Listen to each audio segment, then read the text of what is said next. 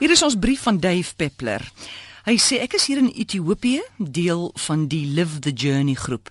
Ek sit hier op 'n terras aan die rand van Ethiopië se Omo Vallei. Agter my die berge van die Slengtal, daar die reuse skeur wat Afrika van noord na suid klief en voor my twee mere, Abaya en Gamo. Verbind met 'n brose landbrug, bekend as the Bridge of God. Dis net voor dagbreek en ek hoor die eerste voëlgesang van die dag.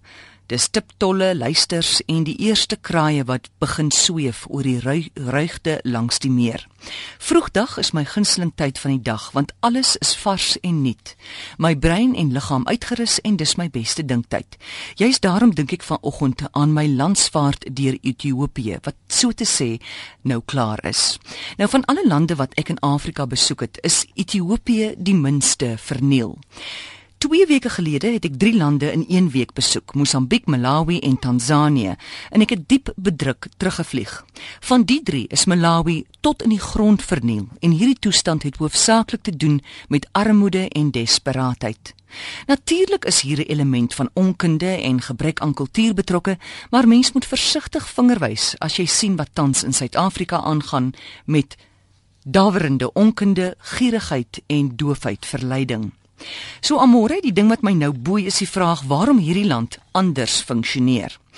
Ek is uiteraard deeglik bewus van die onlangse geskiedenis van hongersnood, Selassie en Mengistu se vergrype en die deurlopende verval van infrastruktuur, maar tog is daar 'n iets hier wat die omgewing buffer teen onomkeerbare vernietiging en oorbenutting.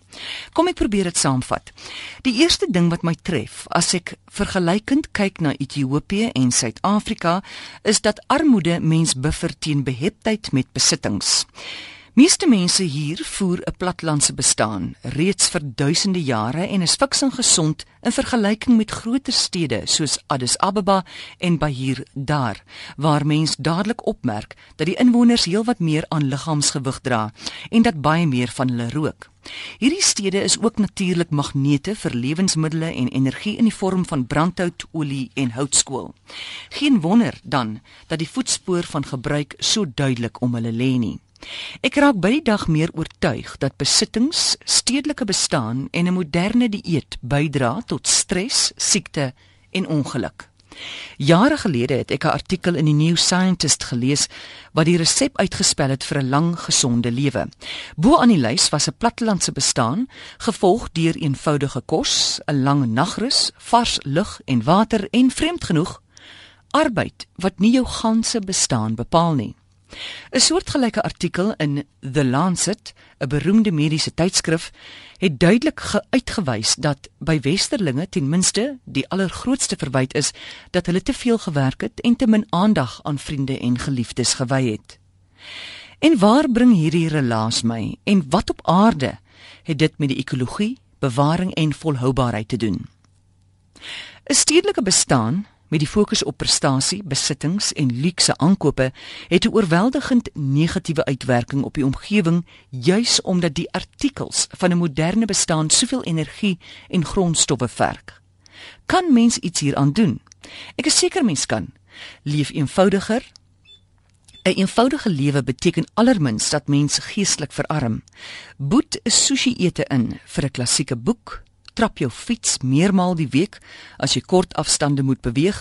Betrek ouer mense by 'n sinvolle aktiwiteit en bovenal leef met respek teenoor mense, diere en die grond. Uit respek vloei daar deernis, sorg, mededeelsaamheid en liefde, iets wat ons gekneusde aarde bitter nodig het. Ek begin verlang na Suid-Afrika. Dave Peppler